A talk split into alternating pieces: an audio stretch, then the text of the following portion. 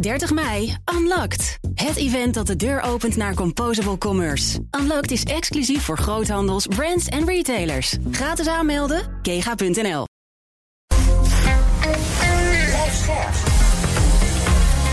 BNR Nieuwsradio. The Big Five.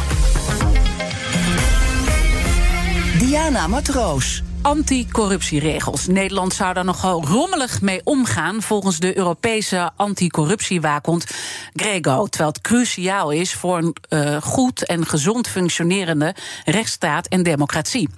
En daarom zijn wij heel erg benieuwd hoe groot is nou de schade, zowel voor bedrijven, overheden, onze samenleving als geheel. En hoe pak je het nou nationaal en internationaal zo effectief mogelijk aan? En het zit vaak in de kleine dingen, het is onder ons allemaal. Uh, deze week ga ik me in ieder geval in verdiepen. Samen met vijf prominente gasten. In BNR's Big Five van de strijd tegen corruptie. En ik begin deze week met een hele mooie gast. Nanette van Schelven, directeur-generaal bij de Douane Nederland. Van harte welkom, fijn dat je er bent. Dankjewel.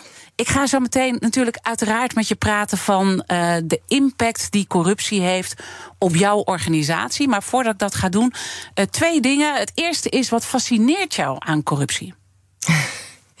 Nou, ik ben uh, eigenlijk mijn hele werkzame leven uh, uh, ambtenaar, rijksambtenaar. En als je rijksambtenaar bent, dan doe je een eet of belofte. En dan vertel je eigenlijk in hele mooie woorden dat je niet corrupt zult zijn. En ik merk in mijn werk hoe belangrijk het is dat wij ambtenaren hebben die niet corrupt zijn, die niet geld aannemen en diensten leveren aan aan criminele organisaties. In wat voor vorm dan ook. En ik vind dat zo onlosmakelijk verbonden met het zijn van ambtenaar. Dat uh, ja, fascineren is misschien niet het goede woord, maar het is een soort van verantwoordelijkheidsgevoel. En ik merk ook dat het bijna, ik weet niet of het klopt, maar dat het je ergens ook raakt. Jazeker, omdat ik. Uh, um, ik heb hiervoor op heel veel verschillende plekken gewerkt binnen het Rijk. Maar toen ik bij de douane kwam werken, toen merkte ik hoe belangrijk het is dat je een organisatie hebt die, um, nou ik wil niet zeggen vrij van corruptie is, maar waar vertrouwen vanuit de samenleving en vanuit de media, vanuit de politiek is, dat die organisatie het goede doet. Daar gaan we zo meteen ook wel uitgebreid op in. Want dat is wel het een en ander ook gebeurd. Ook dingen die niet zo uh, prettig zijn bij de douane als het over corruptie gaat en hoe je dat hebt opgepakt. Uh, maar het tweede wat ik van je wil weten. Je, je werkt dus al heel lang als ambtenaar. Dat is eigenlijk wat je zegt. En is er dan ooit iemand die bij jou heeft geprobeerd je op een bepaalde manier te verleiden om dingen te doen die niet door de beugel kunnen? Nou, het is mij gelukkig nog nooit gebeurd dat iemand uh, mij heeft benaderd om tegen betaling of wat dan ook uh, iets te doen of na te laten. Ik heb wel een keer gehad in de tijd dat ik ambtenaar ben, dat ik te maken heb gehad met een vorm van bedreiging. En ja, dat is eigenlijk ook een, een manier om te kijken van wil jij stoppen met wat je aan het doen bent. En ja, dat voelt niet fijn. En dat was in een andere tijd? Was voor de douane? Jazeker, dat was in de tijd dat ik voor het ministerie van Landbouw werkte. En uh, uh, bezig was met, met een bepaald stuk wetgeving over, uh, over dieren, over welzijn van dieren. En daar bestaan ja, sterke opvattingen in de samenleving over. En daar heb ik in ieder geval een keer leren. Ja, nou, en dat druk je zachtjes uit. Want ik bedoel, als we nu naar deze tijd kijken, het is eigenlijk alleen nog maar erger geworden. En je benoemt hier een heel belangrijk punt. Op het moment dat je bedreigd wordt, dan kan dat ook een startpunt zijn om je op een bepaalde manier onder druk eh, te zetten. Hoe ben jij daar toen mee omgegaan? Ja, ik heb gelijk uh, hulp gezocht. Ik heb dat gelijk gemeld in onze organisatie. En dat is eigenlijk ook heel goed opgepakt. Er is mm volgens gekeken naar um, wat, wat kunnen we in haar omgeving zien. Zien we dat er, uh, nou, je moet bijvoorbeeld ook aan IT-dingen denken. Wordt haar e-mailadres uh, bekeken door anderen? Ehm, kortom, er komt hier heel. Ja. Er komt iets op, op gang. waardoor je het gevoel hebt dat je in ieder geval gesteund wordt. Um, ja, en het is ook hoe, hoe ga je er zelf mee om? Ik had uh, op dat moment ik kreeg wel de, uh, de tip van um, kijk in je achteruitkijkspiegel als je naar huis rijdt. En toen dacht ik, daar ga ik niet aan beginnen. Nee, dat moet ik echt gewoon dat, dat, dat afsluiten, want dan, dan, dan ja. heb je geen leven natuurlijk meer. Ja. Uh, ik denk dat het goed is, je bent de eerste gast deze week, om even goed te benoemen um, hoe groot het probleem is uh, van corruptie en ook vooral wat het is. Laten we beginnen even bij de definitie. Wat is het in jouw ogen? Ja, corruptie, of een ambtelijke corruptie waar, waar ik hier voor zit. Hè, dat is eh, als een ambtenaar in de uitoefening van zijn werk uh, diensten verleent of informatie geeft aan anderen, al dan niet tegen betaling, ehm, wat niet mag wij, wij als ambtenaren uh, leggen die eet of gelofte af. En uh, dat is um, buitengewoon prachtig mooi Nederlands. Maar het komt er ongeveer op neer dat um, jij belooft dat je een goed ambtenaar zult zijn. Dat je niks hebt aangenomen um, van anderen om die baan te krijgen. Dat je geen diensten uh, hebt, in het vooruitzicht hebt gesteld. En dat je dat ook niet zult gaan doen. En dat is basically wat, wat waar het om draait. Ja. Eigenlijk is het het juiste doen ook als een ander niet kijkt. En het, het, het, gaat dus niet altijd om betaling, dat zeg je ook. Het kan al dan niet met betaling uh, gepaard gaan, maar dus ook met bedreigingen. He, dat, dat schets je net al, hoe belangrijk dat ook is om uh, mee te nemen. Hoe groot is het corruptieprobleem als je het ziet vanuit jouw vakgebied? Ja, dat, dat is heel lastig. Hè? Dat is hetzelfde als dat uh, wij altijd gevraagd worden van... hoeveel cocaïne houden jullie nou eigenlijk tegen van het geheel? Um, daar lopen schattingen, et cetera, over uiteen. En dat is ook met corruptie. Um, voor mij is van belang dat we onderkennen dat dit kan gebeuren. En dat je er alles aan doet om een weerbare organisatie te zijn. En niet alleen als douane, maar alle mm -hmm. overheidsorganisaties. En als het gaat om de douane ook private organisaties in de haven waar we mee samenwerken. Dus ik vind vooral belangrijk dat we um, het probleem onder ogen zien. En ja, we zien. En hoe groot het dan is, dat maakt eigenlijk niet, he, niet echt uit. Want je, dat, dat vind ik fascinerend. Ik merk eigenlijk met alles wat ik lees van. Uh, nou, het is, we weten eigenlijk niet hoe groot het uh, uh, probleem is, maar maak het wel topprioriteit. De Rijksrecherche heeft dat ook als een heel belangrijk uh, speerpunt geformuleerd. En zo zijn er meer organisaties. Later deze week uh, spreek ik nog de baas van de FIOD. Uh, als dat dan zo ontzettend belangrijk is, dan moet het toch wel een groot probleem zijn, denk ik. Nou, het is vooral in potentie een heel groot probleem als je het um, niet, uh, geen aandacht geeft. En als het kan woekeren in je organisatie. Ik geloof dat de uh, korpschef van de politie, Henk van Nessen, het over betonrot in de organisatie had. Kijk, als je op een moment dat dat al zo diep in je organisatie zit aan de slag gaat, dan heb je een langere weg te gaan dan dat je dat eerder onder ogen ziet. En eigenlijk probeert je organisatie. Um, zo hygiënisch mogelijk te houden. Ja. En in de wetenschap dat je het nooit helemaal kunt uitbannen.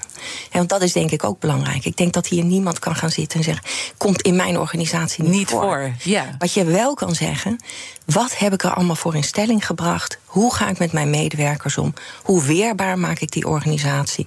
Om ervoor te zorgen dat dat probleem zo klein mogelijk is.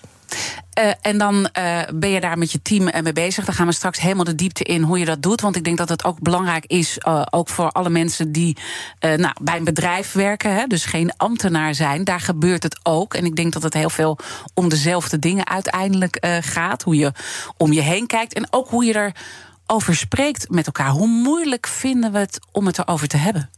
Heel moeilijk. Ja? Heel moeilijk. Um, en dat, dat hangt samen met het feit dat mensen die. Ik kan in ieder geval voor de douane spreken. Mensen die daar werken, die zijn trots op het werk wat ze doen. Ze beschermen Nederland tegen producten die we niet willen. En een van die producten is drugs. Dus dat is je kerntaak. Um, je bent trots en je bent loyaal aan de dienst. Um, daar past eigenlijk niet in dat je aan de andere kant van de streep staat. Dus als zoiets zich voordoet, dan komt dat zo ongelooflijk binnen bij, uh, bij collega's. Dat dat maakt dat dat. He, je bent kwetsbaar op dat punt. Dat maakt dat het um, een hele moeilijke een heel moeilijk onderwerp is om aan te raken. Omdat je eigenlijk heel graag wil dat het in jouw organisatie gewoon niet bestaat. Niet gebeurt. Vanuit ook die eet uh, die jullie allemaal hebben afgelegd ja. uh, aan het begin uh, van het verhaal. Toch gebeurt het. Er zijn een paar geruchtmakende zaken geweest. Um, als je kijkt wat er bij, wel bij de douane gebeurt, waar zitten jouw grootste zwakke plekken of problemen? In ieder geval als je terugkijkt naar het verleden. Als ik terugkijk naar het verleden, dan zie ik dat um, medewerkers die um, voor corruptie, met van corruptie zijn beschuldigd en ook veroordeeld, dat dat veel uh, mensen zijn die ja, actief handelingen kunnen doen, veel operationele informatie hebben, uh, die, die handig is voor criminele organisaties, uh, waar een container staat of een container onderzocht moet worden of niet door de douane. Echt basic informatie die je nodig hebt om ja, je cocaïne toch door die haven te krijgen.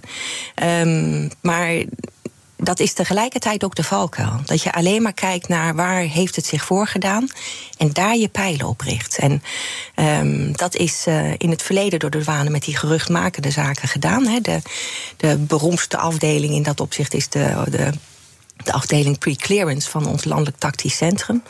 Ja, dan kun je maatregelen bij dat onderdeel treffen. Maar als je niet alle andere onderdelen van de douane ook doorlicht, dan ben je eigenlijk een beetje door een, uh, door een rietje aan het kijken. En toen ik kwam bij de douane, toen hebben we uh, externe wetenschappers gevraagd: um, hoe kwetsbaar zijn we eigenlijk als douane? The Big Five. Diana Matroos. Mijn gast is Nanette van Schelven, directeur-generaal bij de douane. Ja, je vroeg aan die wetenschappers hoe staat het ervoor. En dat was niet echt een heel uh, vrolijk bericht wat eruit kwam. Het was een goed bericht. Oh ja? Het, ja. Oh, ik ja, ja. dat je, bedoelde, dat je doelde op dat KPMG-rapport. zeker, zeker. Ja. Maar het is, het is heel goed dat we dat hebben gedaan. Um, toen ik bij de douane kwam werken, dat is zo'n 4,5 jaar geleden, toen hadden we een paar van die geruchtmakende zaken achter de rug. En um, nou, als iedere directeur, als je komt, dan ga je in de binnen, maar ook in de buitenwereld vragen: wat is je beeld van de douane? Um, wat zijn onze kwetsbare uh, plekken? Wat kunnen wij verbeteren? Waar zijn we goed in? En een van de dingen die ik vooral in de buitenwereld hoorde was: um, jullie zijn vatbaarder voor corruptie dan je zelf denkt. Jeetje. Ja. ja. Schrok en, je daarvan toen? Ja, daar schrok ik van. Daar schrok ik van. En ik schrok er ook van dat het binnen de douane een moeilijk te bespreken onderwerp was. Waar we het net over hadden. En toen dacht ik, hoe pak ik dat nou aan? Om dit toch bespreekbaar te maken in een organisatie waarin het eigenlijk ja, een beetje de roze olifant is. En toen heb ik KPMG gevraagd om een onderzoek te doen en te kijken naar modus operandi, naar zaken die er zijn geweest, uh, met stakeholders praten, uh, in de buitenwereld, criminologen bevragen. En daar is eigenlijk uitgekomen um, dat de douane als organisatie in zijn geheel um, best wel een prooi kan zijn voor um, criminele organisaties. Op basically alle vlakken. Mm -hmm. Iedereen die bij de douane werkt, die heeft informatie die interessant kan zijn. En dat varieert van, waar ik het net over had, een, uh, weten waar een container staat. Ja, want misschien voor de mensen die nu denken van, nou is dat nou zo uh, ingewikkeld? Je hebt echt wel iemand nodig van de douane om dat te kunnen signaleren, toch? Waar, waar dat is. Want het is gigantisch als je bij die Rotterdamse haven komt. Ja, en laten we vooropstellen. Het gebeurt niet alleen in de Rotterdamse haven. Nee. Het gebeurt in de haven van Vlissingen, in Amsterdam, op Schiphol. En er zijn meer plekken in Nederland waar, uh, waar drugs over de grens komen. Maar de Rotterdamse haven is de allergrootste. En dat is ook een haven met een enorme omvang. Um, daar zijn in de loop der jaren natuurlijk veel barrières uh, opgeworpen om ervoor te zorgen dat je niet zo gemakkelijk uh, uh, kunt smokkelen. En als je barrières opwerpt, dan is uiteindelijk de zwakste schakel de mens. En inmiddels zitten we inderdaad op die mens. Je hebt iemand nodig, inside information, als jij je spullen door die haven wilt krijgen. Met miljoenen containers die, die jaarlijks door die haven gaan, heb je die informatie gewoon nodig. Um, en dat is informatie die de douane kan hebben. Mm -hmm. Informatie die mensen die bij een terminal werken kan hebben. Een vrachtwagenchauffeur die, uh, uh, die zijn spulletjes op komt halen. Beveiligers die uh, daar bedrijven. Het kan iedereen zijn. Iedereen. Het ja. is ook iedereen. Dus ja. het is ook niet alleen een exclusief probleem van de douane. Nee, want jullie werken met heel veel partijen samen. We komen straks nog wel op die samenwerken. Maar dan zie je eigenlijk, oké, de mens is de zwakste schakel. Natuurlijk hebben wij ook even dat onderzoek uh, doorgenomen van uh, KPMG. Ook weer eventjes opgefrist. Waar, waar ging het ook, ook weer over? En er ging ook een heel verhaal, verhaal aan vooraf. Dat was al voordat jij aan het roer stond bij de douane. er was ontzettend veel integriteitsregels die werden geschonden bij de douane. was 2015, 2016. is toen later ook een rapport overgekomen. Dus dat was ook nou ja, de reden om de boel flink op te stoffen. En toen kwam er dus in 2021, zoveel jaren later, dat KPMG-rapport. En dan lees ik hier ook een conclusie. De douane in de Rotterdamse haven is zeer kwetsbaar voor infiltratie door drugscriminelen en doet te weinig om de risico's af te wenden. En daar staat ook dat het de leiding zou ontbreken aan actuele en diepgaande kennis over de meest actuele corruptierisico's. Dan, dan denk ik, wat, wat gebeurt er dat, dat jij dus, dit vind jij heel belangrijk. En je probeert dat echt ook te door te krijgen. En dan komt dit naar boven. Kan je me uitleggen wat er dan is gebeurd? Ja, nou ja, wat, wat het eigenlijk blootlegt, is dat we um, op dat vlak gewoon te weinig deden als organisatie. En we hebben die grote geruchtmakende zaken gehad in 2016. En toen is er heel specifiek naar een onderdeel van de douane gekeken. Dat is opgeschoond. Daar zijn regels voor gekomen. Mensen kunnen niet langer dan zoveel jaar op een bepaalde plek zitten. En, maar wel heel erg beperkt vanuit de gedachte: als we dat aanpakken, dan hebben we het lek boven water. En toen ik kwam, toen hoorde ik. Uh, toch wel van collega's, um, politie, OM, et cetera. Um, ook andere onderdelen van jouw uh, uh, douane kunnen hier vatbaar voor zijn. En um, ik denk, ja, ik kan dat wel op basis van wat ik hoor zeggen, we moeten hiermee aan de slag. Maar het helpt als je dat ook gewoon grondig laat analyseren. Dus daarom zeg je, het is goed, want ik had iets in handen. Absoluut. Vanuit een organisatie waarvan je ook zegt, die vindt het moeilijk om erover te spreken. Eén. En we weten natuurlijk uit het verleden dat er ook heel veel is geblokkeerd, voor jouw tijd nogmaals, eh, door de top om bepaalde uh, onderzoeken ook naar buiten te laten komen. Dus daar transparant over te zijn. Dus dan zit er in wezen ook iets in die organisatie, stel ik me dan voor, wat heel moeilijk te doorbreken is. Klopt dat? Ja, ik noem het altijd de schaduwkant van een hele mooie kant van de douane. En dat is dat we een familie zijn. Dat we voor elkaar zorgen. Uh, dat mensen er lang werken, trots zijn op hun werk, loyaal aan de dienst, er altijd voor klaarstaan. Mensen hebben bij ons dienstverbanden die uh, 20, 30, 40, soms 50 jaar uh, lang zijn. En dat heeft een hele mooie kant.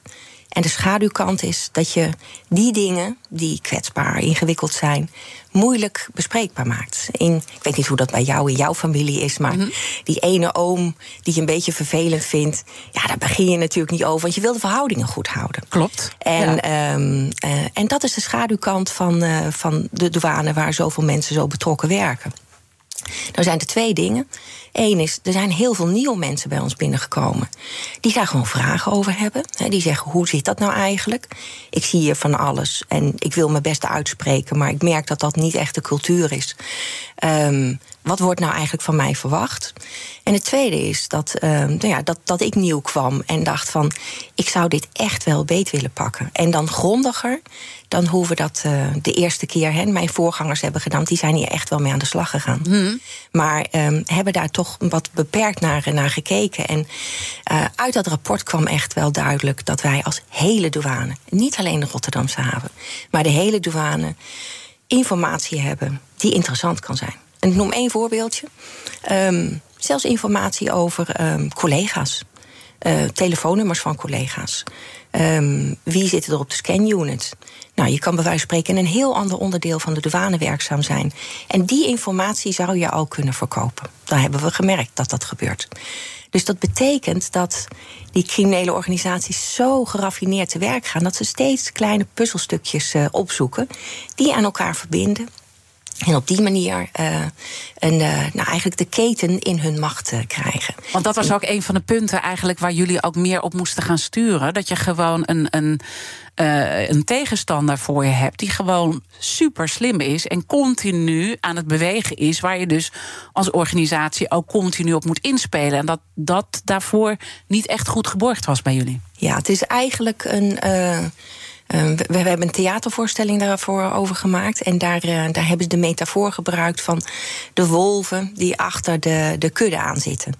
En die kudde kan zich heel goed verweren tegen de wolven als ze aaneengesloten is. Als het een kudde is die samenwerkt. Als een kudde is die hierop uh, geprepareerd is. En um, dat is eigenlijk ook wat wij uh, als organisatie. Wij willen hier constant aandacht aan besteden. Um, de modus operandi analyseren. Steeds kijken.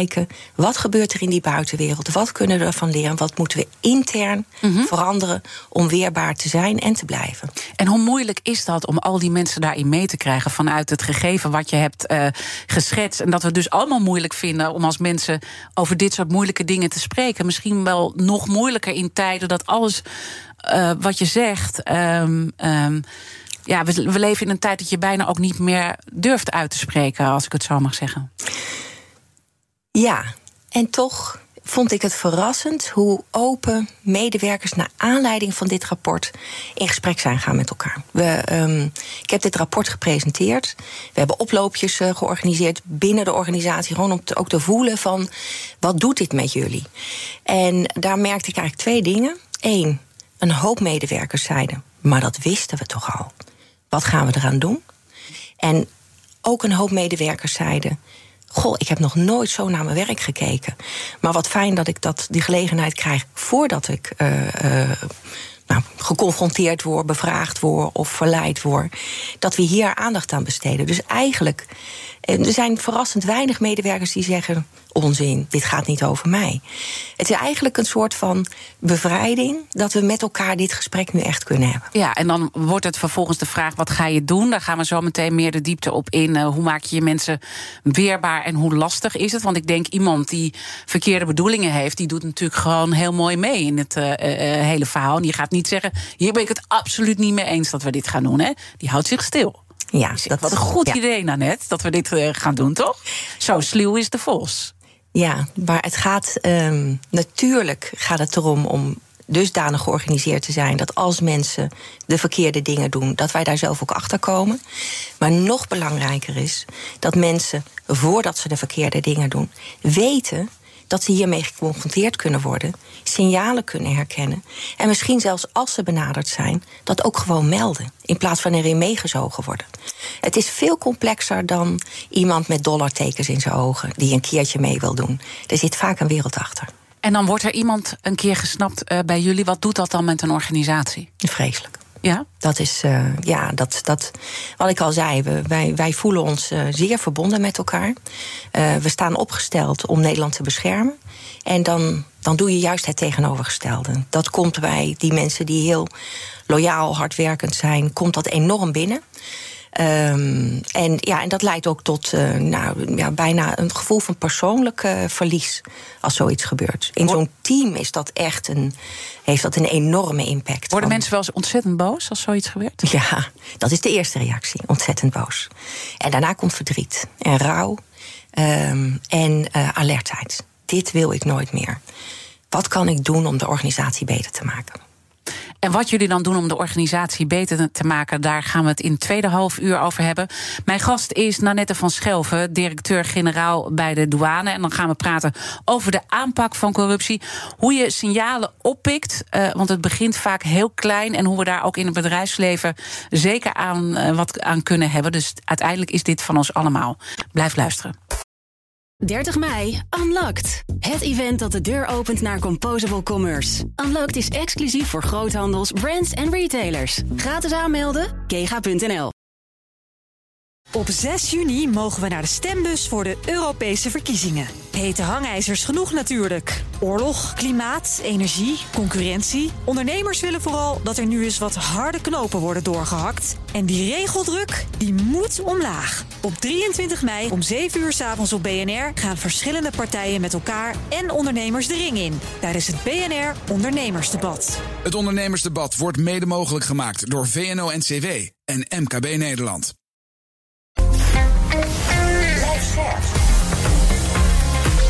BNR Nieuwsradio.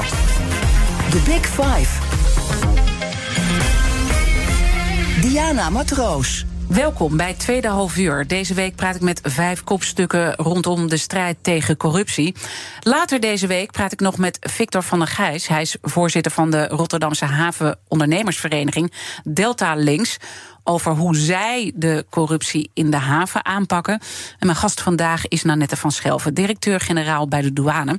Komend half uur wil ik in ieder geval nog twee onderwerpen met je bespreken. Namelijk de samenwerking met andere partijen in de strijd tegen corruptie. En jullie aanpak om de eigen organisatie zo weerbaar mogelijk uh, te maken. We gaan zo meteen met dat laatste beginnen. Maar eerst wil ik de kettingvraag nog even laten horen. Want er zijn zeker problemen als het gaat om corruptie. Maar mijn gast afgelopen week, dat was een Big Five over de oorlog. Rusland kenner Gijs Kessler. Uh, die had ook wel een uh, interessante positieve vraag voor jou. Luister maar. Mijn blik is een beetje gevormd door de 30 jaar die ik Rusland bestudeerd heb en daar heb gezeten. En daar zie je dat staatsfunctionarissen, en dan zeker bijvoorbeeld de douane in Rusland een belangrijk voorbeeld. Daar gaan uh, miljoenen stromen doorheen. En dan zie je eigenlijk dat default gedrag uh, is dat je zulke soort geld en goederenstromen af gaat romen voor eigen gewin. Kijk, Rusland is een extreem voorbeeld daarvoor. Maar in grote delen van de wereld zal hetzelfde problematiek spelen. In Europa en in Nederland is dat niet, of in ieder geval echt veel en veel en veel minder. En waarom is dat nou? Want dat vind ik interessant. Als je dus Nederland als Europa als de uitzondering ziet, waarom wenden functionarissen hier niet hun macht aan om corrupte economisch gewin voor zichzelf te, verzekeren? Ja, waarom? Nou, dat is een hele mooie vraag. Um, daar kan je een heel lang antwoord op geven. Uh, maar ik zal proberen om het uh, een beetje groot en dan wat meer toe te spitsen op de douane. Um, ik denk heel erg belangrijk uh, voor Nederland en, en heel veel westerse landen is dat wij een, uh, een democratische rechtsstaat zijn met scheiding der machten. Waardoor de macht, um, de ene macht de andere controleert. En de checks and balances zijn in ons uh, democratisch systeem mm -hmm. ingevoerd. Um, maar dat betekent niet dat je op je lauweren kunt rusten. En ik denk wat heel belangrijk is, is dat wij in de ambtelijke, het ambtelijke apparaat, de douane waar die het net over had, maar bijvoorbeeld ook bij de rechterlijke macht heel veel aandacht besteden aan uh, corruptie. En integriteit. Uh, als mensen uh, in dienst komen met die eten en die belofte, wat ik zei. Maar ook bij de onboarding. -hmm. En ook daarna in het werkproces. Dat je ervan doordrongen bent dat je het juiste moet doen als niemand kijkt. Yeah. Um, en daar wordt heel veel aandacht aan besteed. Omdat het misschien ook wel een zorgenpunt is dat als we dat niet doen, dat wij ook Holland achteruit gaan hier. Nou ja, dit, dit is um, een, een kostbaar bezit.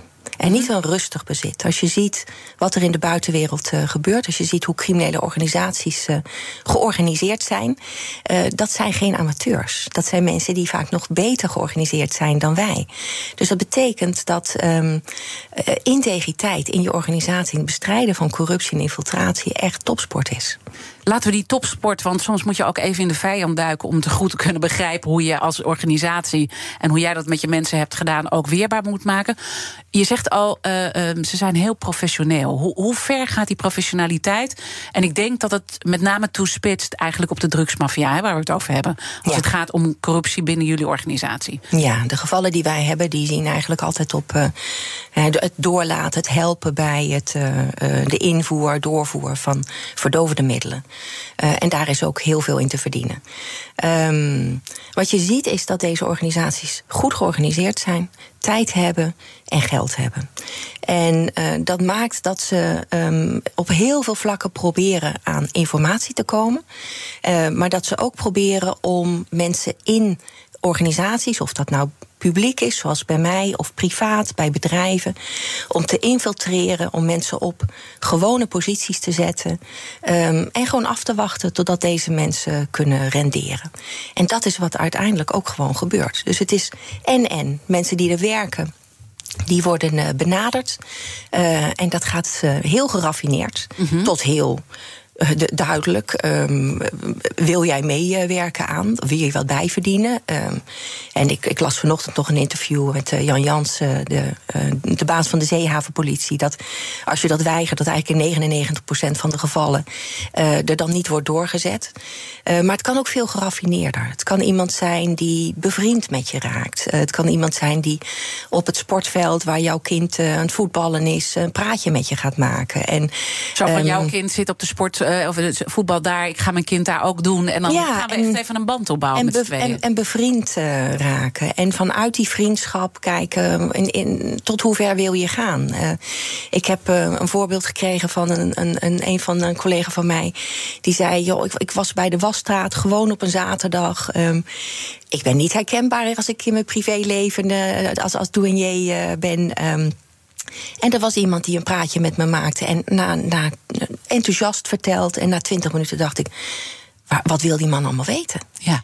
Um, eh, toen de bewustwording van: hey, ben ik niet dingen aan het vertellen die ik eigenlijk helemaal niet mag vertellen. Dus het kan ook echt heel geraffineerd. Een andere manier is um, weten waar jouw kwetsbaarheden zitten. Zoals je gokschulden hebt. Dat is mhm. eigenlijk het standaardplaatje. Mm uh, dat men weet van: jij zit in de schuld, je zit in de panari, je huis staat onder water, je ligt in een echtscheiding.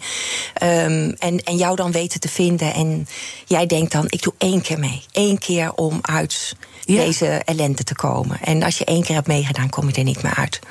En tenslotte zijn er situaties waarbij mensen ook echt gewoon onder druk worden gezet. En dat kan zijn. Um, nou, wat, wat, wat, gewoon bij ons ook gebeurt. Jij bent niets vermoedend aan tanken. En er stopt een auto naast je. En die, laat, eh, die pakt zijn telefoon. En op zijn telefoon staat een foto van jouw kinderen. En hij zegt: Jij werkt toch bij de douane? Ik weet waar jouw kinderen op school zitten ook dat soort dingen gebeuren. Dus het is een heel scala van dingen die uiteindelijk uh, gebeuren. En ga dan maar zeggen dat je niks uh, gaat doen. Weet je, ik krijg nu ook kippenvel als ik denk aan dat moment dat iemand me daarmee confronteert. Is dat ook wat jou zo mild maakt als mensen zich er schuldig gaan maken binnen jouw organisatie? Ik ben niet mild op het gedrag. Ik ben niet mild op wat ze hebben gedaan. Maar ik veroordeel niet gelijk de persoon. En ik denk dat dat een groot verschil is. Mm um, dat gedrag is niet te tolereren. Dat gedrag is de betonrot van, van mijn organisatie en uiteindelijk ook van het vertrouwen van burgers in overheidsorganisaties. Maar ik wil wel weten wat is er gebeurd. En had ik die persoon kunnen helpen en beschermen? Mhm. Want uiteindelijk begint het vaak met dat iemand ergens in mee wordt gezogen waar die wel uit zou willen komen. Maar hebben wij dan hulp geboden? En het KPMG-rapport, waar je daar straks uh, mm aan refereerde, geeft aan. Je, kunt, um, je moet meer in stelling brengen dan alleen het bespreekbaar maken. Je moet dus ook zorgen dat je gewoon hulptroepen hebt. Dat als mensen iets overkomt, zelfs als mensen al een eerste stap de verkeerde kant op hebben gedaan, dat je daar bent om ze eruit te halen. Ja, dat je ook durft uh, erover te spreken. Hè? Vanuit die schaamte die er dus is bij ons allemaal uh, over dit uh, onderwerp. Ehm, daar heb je ook een paar maatregelen over genomen. Ik wil toch nog even weten. om goed te beseffen hoe professioneel die organisaties zijn. Ze hebben dus de tijd, ze hebben de, de, het geld ook. Um, vandaag ook uh, in het nieuws dat uh, mensen worden opgeleid om uh, nou ja, vrachtwagenchauffeur te worden. Is, is het echt, gaat het, merk jij dat ook, dat het zo diep gaat dat ze echt gewoon mensen opleiden voor dit soort functies? Ik denk Vanuit dat, de maffiawereld, hè? Ja, ik denk dat, uh, zeker ik bij de douane, maar ik denk ook in het bedrijfsleven, dat wij allemaal niet naïef moeten zijn. Uh, en er rekening mee moeten houden dat mensen bij ons ook echt gewoon uh, gepland worden, geïnfiltreerd worden. Dus mensen die bij ons solliciteren. Um, aan het begin van hun loopbaan nog helemaal geen informatie hebben die relevant kan zijn. Maar met het oogmerk om uiteindelijk te kunnen renderen voor zo'n organisatie, bij ons solliciteren. En niet alleen bij mij, dat gebeurt bij de politie, dat gebeurt in het bedrijfsleven, in de haven, overal. En hoe, hoe, ontdek je dan die rotte appels? Want vanuit dat uh, ja, geraffineerd hoe dat gaat qua uh, aanpak, dus dat ze echt goed worden opgeleid, dus het zijn keurige mensen, ze nemen de tijd, dus ze gaan uh, die vriendschappen opbouwen. Ze zijn nou net, nou we gaan dat doen, we gaan die corruptie gaan we aanpakken. Hoe haal je ze eruit? Nou ja, je hebt verschillende momenten. Het begint aan de poort. Op het moment dat mensen solliciteren bij ons, dan zou je eigenlijk ja, zoveel mogelijk van ze willen weten. En niet of ze corrupt zijn, maar of ze eventueel chantabel zouden kunnen worden.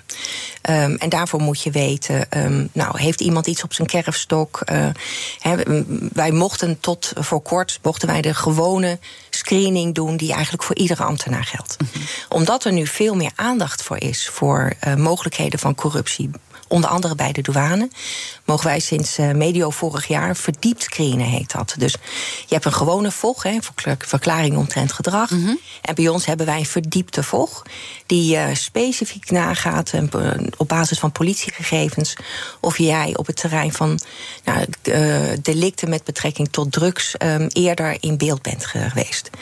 Dat betekent niet per definitie dat je de baan bij ons niet krijgt. Maar het begint met in, in kaart brengen. Wat voor persoon is dit? Waar ben je kwetsbaar op? In welk milieu zit je? Heb je um, eventueel um, schulden? Uh, het zijn allemaal zaken waarop we proberen de verdieping in te gaan. Ook om mensen ervan bewust uh, te laten zijn. Want dat is denk ik een misvatting. Niet iedereen wordt onmiddellijk als die binnen is uh, corrupt. Maar om mensen ervan bewust te maken, wanneer zou je chantabel kunnen zijn? En wat kun je daaraan doen? En wat kan je eraan doen? Nou, ten eerste begint dat, dat op het moment dat jij signalen hebt dat mensen jou aan het benaderen zijn in je vriendenkring, in je familiekring, of als jij financiële problemen hebt, dat we als organisatie er voor je zijn.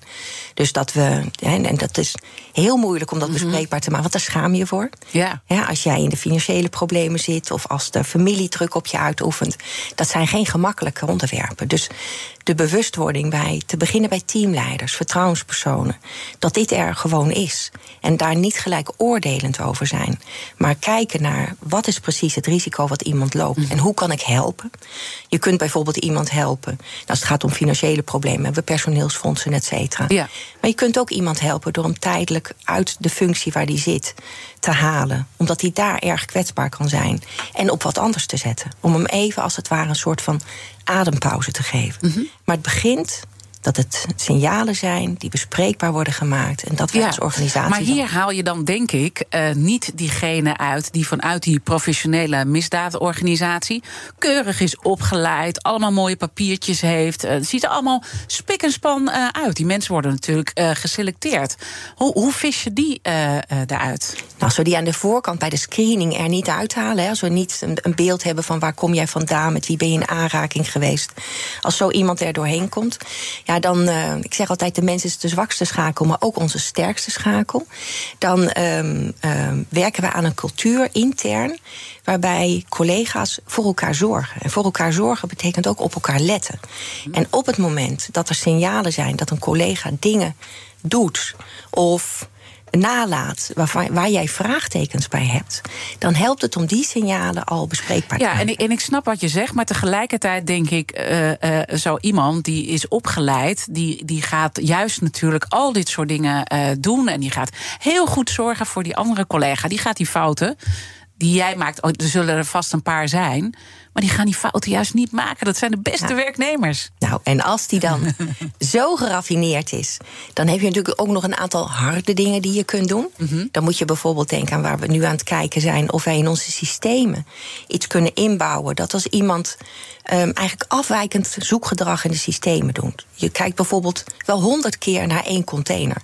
Terwijl een gemiddeld douanier niet honderd keer naar één container kijkt. Gaan we kijken of we door middel van monitoring van systemen kunnen kijken. Eh, doet iemand andere dingen dan dat hij eigenlijk zou mogen? 30 mei, Unlocked. Het event dat de deur opent naar Composable Commerce. Unlocked is exclusief voor groothandels, brands en retailers. Gratis aanmelden, kega.nl. Op 6 juni mogen we naar de stembus voor de Europese verkiezingen. Hete hangijzers genoeg natuurlijk. Oorlog, klimaat, energie, concurrentie. Ondernemers willen vooral dat er nu eens wat harde knopen worden doorgehakt. En die regeldruk, die moet omlaag. Op 23 mei om 7 uur s avonds op BNR gaan verschillende partijen met elkaar en ondernemers de ring in. Tijdens het BNR Ondernemersdebat. Het Ondernemersdebat wordt mede mogelijk gemaakt door VNO-NCW en MKB Nederland. BNR Nieuwsradio. The Big Five. Diana Matroos. Je luistert naar BNR's Big Five van de strijd tegen corruptie. Later deze week praat ik nog met Thomas Bosch. Hij is directeur opsporing bij de FIOD. En natuurlijk ga ik dan zeker met hem praten over corruptie in het bedrijfsleven. Mijn gast vandaag is Nanette van Schelven, directeur-generaal bij de Douane Nederland. Overigens ben jij in eh, november uh, van het afgelopen jaar uitgeroepen tot overheidsmanager van het jaar. Dus uh, volgens mij zijn ze in ieder geval met al die veranderingen die je bij de douane probeert door te voeren uh, nog steeds uh, blij met je. Je zei, we hebben dus ook wat, wat, wat harde kanten waar we op kunnen sturen. Kijken hoe ze met die data omgaan. Nou, lazen wij een recente brief van staatssecretaris Aukje de Vries... waaruit blijkt dat de douane de bescherming en verzameling van data... waaronder persoonsgegevens niet op orde heeft. In hoeverre is dit een, een, een, een struikelblok in de aanpak van corruptie? Dat, dat onderzoek ziet op de wet politiegegevens. Ja. Wij zijn als. Uh, Privacy, hè? Gaat ja, dat over? Ja, wij zijn als organisatie een uh, organisatie die ook in het kader van de wet politiegegevens uh, gegevens genereert en verwerkt. Um, we zijn als het ware het voorstadium voor de opsporing. Daarna gaat het naar het OM of naar de FIOD, de collega die later deze week komt. En wat um, door de, terecht door de ADR, die een onderzoek heeft gedaan, de Orde Dienst Rijk, is gezegd: jullie hebben dat vooral in je systemen nog niet goed op orde. Um, wij werken met een uh, nou, behoorlijk IT-landschap, mm -hmm. wat we delen met de Belastingdienst. En daar is echt werk aan de winkel. Dat was voor ons niet een verrassing, mm -hmm. maar het is uh, um, niet iets wat je binnen hele korte termijn oplost. Maar wij werken daar heel hard aan. Maar kan dit een link vormen met uh, corruptie? Want data is natuurlijk, het gaat over informatiesystemen. Waar staan die containers? Mensen die dan ook in die gegevens zitten te kijken. Is dit, is dit nog een zwakke schakel die gezien corruptie echt aangepakt moet worden? Mm, dat staat er wel wat los van. Maar um, het, het, het, zoeken in die systemen en het um, eigenlijk monitoren of mensen gekke patronen laten zien in hun zoekgedrag, ja, dat is wel iets wat wij ook in onze IT-agenda uh, gaan opnemen. Mm -hmm. Om ervoor te zorgen dat we ook, ja, dat ook uit het systeem op een gegeven moment een melding komt, die in ieder geval verdient om nader onderzoek uh, te doen. Um, ik zei net, die harde kant. Hè, je kunt naar de IT-systemen kijken. Wat wij ook uh, hebben doorgelicht is autorisaties. Mm -hmm. Het is aan de ene kant natuurlijk heerlijk als je in alle systemen kunt en alles kunt doen. Want dat maakt je heel wendbaar als organisatie. En tegelijkertijd maak je daarmee ook eigenlijk iedereen in je organisatie een prooi uh, voor criminele organisaties. Omdat iedereen aan alle informatie kan komen. Ook dat is iets wat wij uh, veel strikter op zijn geworden. Hebben gezegd, nice to know en need to know. En dat need to know is echt uh, ons leidend motto geworden. Het is heel moeilijk hè, om het. Uh echt goed uh, uit te roeien. Hè? Dat, dat, dat, daar komt misschien ook wel je opmerking aan het begin vandaan. Je moet niet de illusie hebben dat je het eruit krijgt. Nee. Geel. Nee, ik denk dat dat uh, het, het, is van alle tijden in meer of mindere mate. Um, wat ik heel erg belangrijk vind, vooral als je nu ziet in het kader van de ondermijning, um, hoe die criminele onderwereld de bovenwereld aan het infiltreren is, is het nu niet een tijd om naïef te zijn. En ik denk dat dat mm -hmm. heel erg belangrijk is voor overheidsorganisaties, maar ook voor bedrijfsleven. En die naïviteit uh, loslaten zit er natuurlijk ook in dat je ziet dat je het niet uh, uh, alleen kunt oplossen. Want het is niet alleen, weet je, kan je je eigen organisatie van alles doen. Jullie werken ook samen. Ik zie het HARC-team, het Hit and Run Cargo-team, een samenwerkingsverband van douane, Fiat, zeehavenpolitie en het Openbaar Ministerie, maar ook nog een combi-team havens. Met de Rijksrecherche. Wat, wat, is het allerbelangrijkste in die samenwerking wat jullie nodig hebben om nog meer te versterken? Wat het allerbelangrijkste is, is dat we als organisatie vertrouwd worden en dat we informatie krijgen. Daar, um, um, wij zijn in, in principe, als er een corruptiegeval is, dan ben ik gewoon de werkgever. De Rijksrecherche doet onderzoek, het OM vervolgt uiteindelijk. En je zou heel graag willen weten waarop precies, waar wordt iemand van verdacht, wat voor maatregelen moet ik nemen in mijn eigen organisatie. Um, Rijksrecherche en Openbaar Ministerie zijn terecht niet heel scheutig met informatie. Die willen een zaak rondkrijgen, die willen het aanpakken. Um, en wat wij nu aan het doen zijn, is een eigen bureau veiligheid en integriteit oprichten. Wat samenwerkt met die partners, he, met OM, FIOD, Rijksrecherche. Om te leren al in een heel vroeg stadium wat is daar precies gebeurd. En welke maatregelen moeten wij intern als douane nemen. Um, en beelden opzet. Wat, wat zijn trendanalyses? Wat zijn, wat zijn nieuwe modus operandi van criminele organisaties? Zodat wij eigenlijk ja, steeds proberen een stap voor te zetten. Ja, dat je toch uh, probeert die vos, hè, die zo sluw Absoluut. is, uh, uh, eigenlijk goed te kunnen voorspellen. dat doen jullie dus in, in, in samenwerking. Moet je ook in samenwerking internationaal, want daar doen jullie natuurlijk ook het een en ander. Hè? Bijvoorbeeld Antwerpen en de Rotterdamse haven. Het is altijd van haal je het bij de ene weg, dan komt het bij het andere komt het weer uh, terecht. Dus daar zie je ook uh, uh, samenwerkingsverbanden. Speelt dit internationaal gezien ook nog bij de sanctiepakketten? Dat mensen daar ook met corruptie proberen toch vroet in het eten te gooien?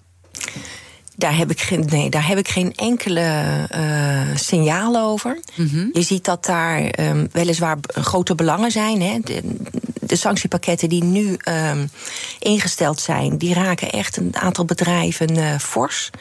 Uh, je kunt eigenlijk je handel bijna niet meer doen. Dus je ziet dat uh, um, bedrijven wel kijken wat kan ik nog wel. En daar ook heel veel vragen over hebben. Dan zie ik twee dingen. Het gros van het bedrijfsleven wil gewoon eerlijk handelen. Um, maar die zoeken natuurlijk wel naar wat kan nog wel. Dus die hebben veel vragen bij ons. Het tweede is dat er wordt gekeken naar zogenaamde uitwijklanden. Kan ik mijn goederen dan, weliswaar niet rechtstreeks, maar via de band van andere landen uiteindelijk toch op de plaats van bestemming krijgen? Hoeveel wordt daarop gehandhaafd? Hoeveel wordt erop toegezien? Nou, dat zijn wel zaken die we ook met het bedrijfsleven bespreken. Mm -hmm. omdat, is dat grootschalig? Um, nou, ik wil niet zeggen grootschalig, maar ik denk dat voor het bedrijfsleven heel belangrijk is om te weten dat um, uh, korte termijn, lange termijn. Misschien kun je nu je spullen uiteindelijk via via daar krijgen. Maar de vraag is wat voor lange termijn imagoschade je dat gaat brengen als uiteindelijk uh, bekend wordt. We hebben een aantal voorbeelden gehad van Nederlandse bedrijven die op de Krim uh, hun spullen, waar, waar hun spullen terecht zijn gekomen. Ja, dat kan je behoorlijk achtervolgen als bedrijfsleven. Maar dat vind ik echt van een hele andere orde dat dan. is niet echt een corruptielink. Nee. Nee. Laten we de link naar corruptie weer pakken middels de kettingvraag. Want die gaat natuurlijk door. Morgen spreken we met Louise van der Laan. Zij is directeur van de anticorruptieorganisatie Transparency International. Wat zou je haar willen vragen? Ja, zij is volgens mij een beetje van mijn generatie. En wij hebben ook uh, ongeveer gelijktijdig aan dezelfde universiteit uh, gestudeerd. Um, ik ben eigenlijk wel heel benieuwd. als je naar haar loopbaan kijkt, um, is toch een voorvechter voor, um, het, het, voor de democratie. Uh, voor uh, de rechtsorde, voor veiligheid en nu dus uh, anticorruptie. Wat haar eigen persoonlijke ervaringen zijn in haar loopbaan als het gaat om corruptie. Zij heeft op verschillende plekken gezeten, Europees parlement, ons eigen parlement. Wat haar eigen ervaringen zijn en wat haar drijfveren zijn om nou, zich zo hiervoor op te werpen. Die ga ik zeker aan haar stellen. En van jou weten we het al, want daar begonnen we eigenlijk uh, deze uitzending mee. Het allerbelangrijkste, denk ik nog, wat, wat, wat uh, jullie nodig hebben, ook in die samenwerking, is dat de wetgeving veel meer toelaat. Ja, en ik denk dat een belangrijk punt wat nog weinig aan bod is gekomen, is um, wij werken samen met allerlei overheidsorganisaties. Maar wij zouden geen vuist kunnen maken als wij niet samen zouden werken met het bedrijfsleven. Als het gaat om het tegengaan van corruptie. Want als ik als douane ga drukken en onze organisatie weerbaarder ga maken, dan springt het op andere uh, plekken binnen de haven springt het naar boven. Dus dit is echt een joint effort. Publiek-privaat. Uh, en dan kom je gelijk tegen uh, iets aan waar we nou, soms wel eens tegenaan lopen, laat ik me voorzichtig uitdrukken. En dat is informatie delen. Wat je ziet is dat we ook gelet op de privacy, wat ook een belangrijk uh, goed in deze samenleving is, is dat um, informatie delen buitengewoon moeilijk is. En ik merk dat het voor mij mensen soms moeilijk is als iemand bij ons ontslagen wordt, omdat er een verdenking is van. We hebben de zaak bijvoorbeeld niet, uh, niet hard kunnen maken, of voordat de zaak hard was, is iemand al uh, vertrokken. Maar je ziet hem even later bij een bedrijf rondlopen. Dan zou je eigenlijk toch wel graag dat bedrijf ja. in ieder geval willen attenderen op let op. Bij ons was er wat aan de hand. Um, het kan best zijn dat iemand zijn, uh, um, zijn naam, ja. de reputatie wil zuiveren. Maar um, je wilt het, voelt een beetje, het voelt een beetje lastig. Ja, mensen worden er ook ja. boos om, denk ik. Ook ja. in jouw organisatie? Zeker. En dat is in het klein en in het groot. Veel meer informatie delen over modus operandi, over wat we zien. signalen met elkaar kunnen delen. Nou, de, merk dat de, de minister van Justitie daar best open voor staat. En ook ziet dat we naar een balans moeten tussen aan de ene kant privacy. En aan de andere kant toch echt een vuist kunnen maken tegen de ondermijning. Het is snel gegaan, hè? Heel snel. Ja, ik had nog, uh, ja, zoals altijd eigenlijk, nog heel veel vragen. Maar we moeten het hierbij uh, laten. Maar we praten vast in de toekomst uh, nog een keertje verder. Douanebaas Nanette van Schelven. En natuurlijk is alles terug te luisteren van BNR's Big Five. Ook uh, de weken die mijn collega Art Royakkers uh, maakt voor de Big Five. ga naar de podcast en dan vind je de Big Five terug. Maar blijf vooral live op deze zender. Zometeen BNR breekt met Iman Verrips. Ik wens je een mooie dag. 30 mei, Unlocked. Het event dat de deur opent naar Composable Commerce. Unlocked is exclusief voor groothandels, brands en retailers. Gratis aanmelden, kega.nl.